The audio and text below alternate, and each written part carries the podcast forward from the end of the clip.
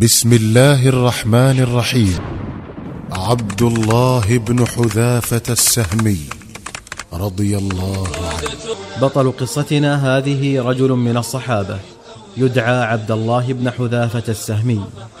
لقد كان في وسع التاريخ أن يمر بهذا الرجل كما مر بملايين العرب من قبله دون أن يأبه لهم أو يخطروا له على بال.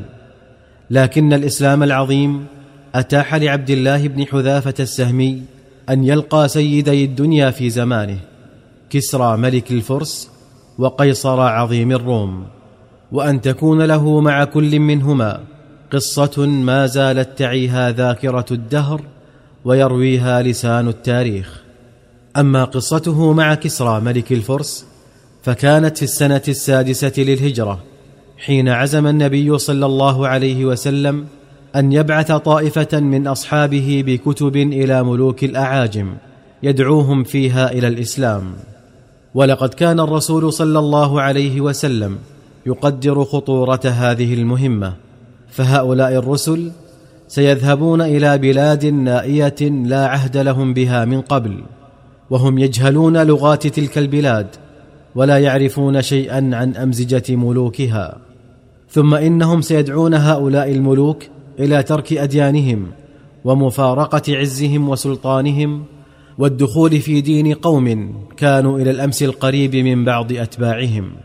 إنها رحلة خطرة الذاهب فيها مفقود والعائد منها مولود. لذا جمع الرسول عليه الصلاة والسلام أصحابه وقام فيهم خطيبا فحمد الله وأثنى عليه وتشهد ثم قال أما بعد فإني أريد أن أبعث بعضكم إلى ملوك الأعاجم. فلا تختلفوا علي كما اختلفت بنو إسرائيل على عيسى بن مريم. فقال أصحاب رسول الله صلى الله عليه وسلم نحن يا رسول الله نؤدي عنك ما تريد فابعثنا حيث شئت. انتدب عليه الصلاة والسلام ستة من الصحابة ليحملوا كتبه إلى ملوك العرب والعجم. وكان أحد هؤلاء السته عبد الله بن حذافة السهمي فقد اختير لحمل رسالة النبي صلوات الله وسلامه عليه إلى كسرى ملك الفرس. جهز عبد الله بن حذافة راحلته وودع صاحبته وولده ومضى إلى غايته. ترفعه النجاد وتحطه الوهاد وحيدا فريدا ليس معه إلا الله. حتى بلغ ديار فارس فاستأذن بالدخول على ملكها وأخطر الحاشية بالرسالة التي يحملها له. عند ذلك أمر كسرى بإيوانه فزين ودعا عظماء فارس لحضور مجلسه فحضروا. ثم أذن لعبد الله بن حذافة بالدخول عليه. دخل عبد الله بن حذافة على سيد فارس مشتملا شملته الرقيقة مرتديا عباءته الصفيقة عليه بساطة الأعراب. لكنه كان عالي الهامة مشدود القامة تتأجج بين جوانحه عزة الإسلام وتتوقد في فؤاده كبرياء الإيمان. فما إن رآه كسرى مقبلا حتى أومأ إلى أحد رجاله بأن يأخذ الكتاب من يده فقال لا إنما أمرني رسول الله صلى الله عليه وسلم أن أدفعه لك يدا بيد. وأنا لا أخالف أمرا لرسول الله. فقال كسرى لرجاله اتركوه يدنو مني.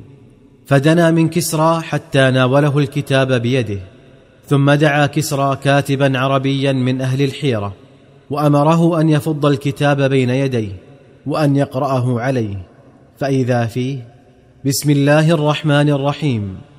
من محمد رسول الله إلى كسرى عظيم فارس. سلام على من اتبع الهدى. فما أن سمع كسرى من الرسالة هذا المقدار حتى اشتعلت نار الغضب في صدره فاحمر وجهه وانتفخت أوداجه لأن الرسول عليه الصلاة والسلام بدأ بنفسه فجذب الرسالة من يد كاتبه وجعل يمزقها دون أن يعلم ما فيها وهو يصيح أيكتب لي بهذا وهو عبدي؟ ثم أمر بعبد الله بن حذافة أن يخرج من مجلسه فأخرج. خرج عبد الله بن حذافة من مجلس كسرى وهو لا يدري ما يفعل الله به. أيقتل أم يترك حرا طليقا؟ لكنه ما لبث أن قال والله ما أبالي على أي حال أكون بعد أن أديت كتاب رسول الله صلى الله عليه وسلم. وركب راحلته وانطلق. ولما سكت عن كسر الغضب أمر بأن يدخل عليه عبد الله فلم يوجد. فالتمسوه فلم يقفوا له على أثر. فطلبوه في الطريق إلى جزيرة العرب فوجدوه قد سبق. فلما قدم عبد الله على النبي صلى الله عليه وسلم أخبره بما كان من أمر كسرى وتمزيقه الكتاب فما زاد عليه الصلاة والسلام على أن قال مزق الله ملكه. أما كسرى فقد كتب إلى باذان نائبه على اليمن أن ابعث إلى هذا الرجل الذي ظهر بالحجاز رجلين جلدين من عندك ومرهما أن يأتياني به.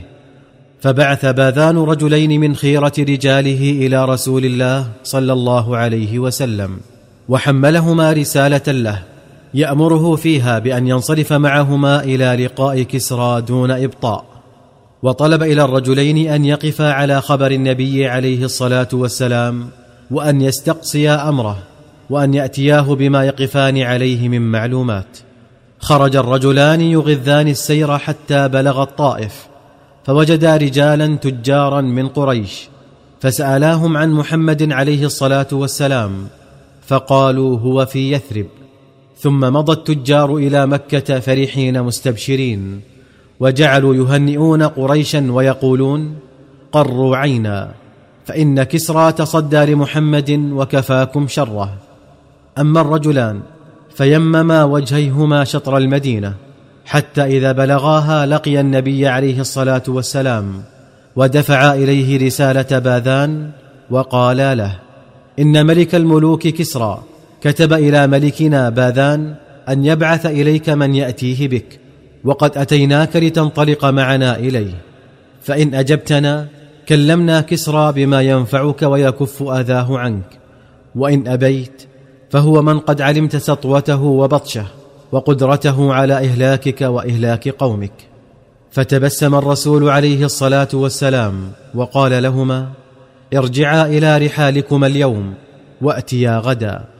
فلما غدوا على النبي صلوات الله وسلامه عليه في اليوم التالي قالا له هل أعددت نفسك للمضي معنا إلى لقاء كسرى؟ فقال لهما النبي صلى الله عليه وسلم لن تلقيا كسرى بعد اليوم فلقد قتله الله حيث سلط عليه ابنه شيرويه في ليلة كذا من شهر كذا فحدقا في وجه النبي وبدت الدهشة على وجهيهما وقالا أتدري ما تقول؟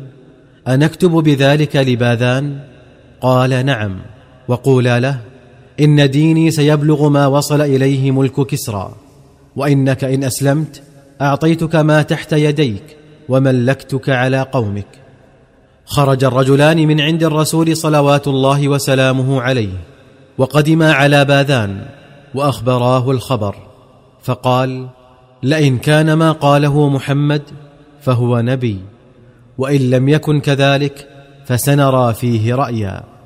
فلم يلبث أن قدم على باذان كتاب شيرويه وفيه يقول أما بعد فقد قتلت كسرى ولم أقتله إلا انتقاما لقومنا فقد استحل قتل أشرافهم وسبي نسائهم وانتهاب أموالهم. فإذا جاءك كتابي هذا فخذ لي الطاعة ممن عندك. فما إن قرأ باذان كتاب شيرويه حتى طرحه جانبا وأعلن دخوله في الإسلام وأسلم من كان معه من الفرس في بلاد اليمن. هذه قصة لقاء عبد الله بن حذافة لكسرى ملك الفرس. فما قصة لقائه لقيصر عظيم الروم؟ لقد كان لقاؤه لقيصر في خلافة عمر بن الخطاب رضي الله عنه. وكانت له معه قصة من روائع القصص. ففي السنة التاسعة عشرة للهجرة بعث عمر بن الخطاب جيشا لحرب الروم فيه عبد الله بن حذافة السهمي وكان قيصر عظيم الروم قد تناهت إليه أخبار جند المسلمين وما يتحلون به من صدق الإيمان ورسوخ العقيدة واسترخاص النفس في سبيل الله ورسوله. فأمر رجاله إذا ظفروا بأسير من أسرى المسلمين أن يبقوا عليه. وأن يأتوه به حيا. وشاء الله أن يقع عبد الله بن حذافة السهمي أسيرا في أيدي الروم. فحملوه إلى مليكهم وقالوا إن هذا من أصحاب محمد السابقين إلى دينه قد وقع آسيرا في أيدينا فآتيناك به. نظر ملك الروم إلى عبد الله بن حذافة طويلا ثم بادره قائلا إني أعرض عليك أمرا. قال وما هو؟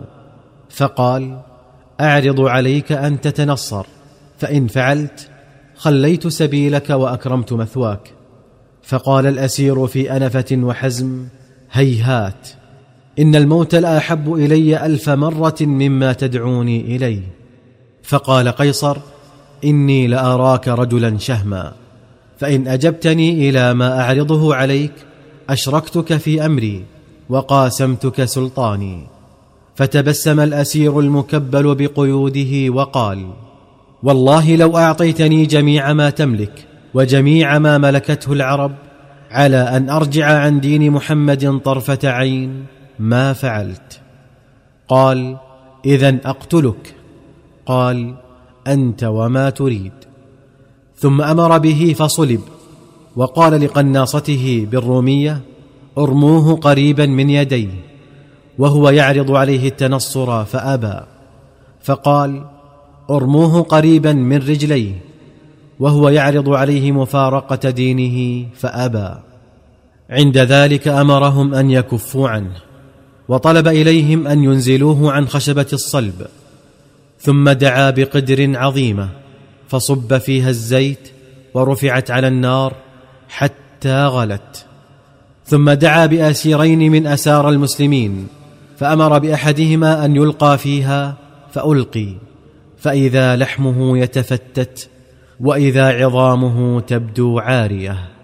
ثم التفت إلى عبد الله بن حذافة ودعاه إلى النصرانية فكان أشد إباء لها من قبل. فلما يئس منه أمر به أن يلقى في القدر التي ألقي فيها صاحباه.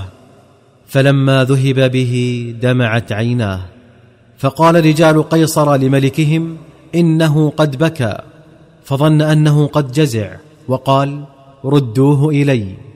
فلما مثل بين يديه عرض عليه النصرانية فآباها فقال ويحك فما الذي أبكاك إذن؟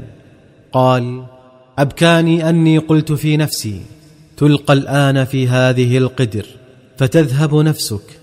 وقد كنت أشتهي أن يكون لي بعدد ما في جسدي من شعر أنفس فتلقى كلها في هذا القدر في سبيل الله. فقال الطاغية هل لك أن تقبل رأسي وأخلي عنك؟ فقال له عبد الله وعن جميع أسار المسلمين أيضا؟ قال وعن جميع أسار المسلمين أيضا. قال عبد الله فقلت في نفسي عدو من أعداء الله. أقبل رأسه فيخلي عني وعن أسار المسلمين جميعا. لا ضير في ذلك علي. ثم دنا منه وقبل رأسه. فأمر ملك الروم أن يجمعوا له أسار المسلمين وأن يدفعوهم إليه فدفعوا له. قدم عبد الله بن حذافة على عمر بن الخطاب رضي الله عنه وأخبره خبره. فسر به الفاروق أعظم السرور. ولما نظر إلى الأسرى قال حق على كل مسلم أن يقبل رأس عبد الله بن حذافة وأنا أبدأ بذلك. ثم قام وقبل رأسه. حق على كل مسلم أن يقبل رأس عبد الله بن حذافة وأنا أبدأ بذلك. عمر بن الخطاب.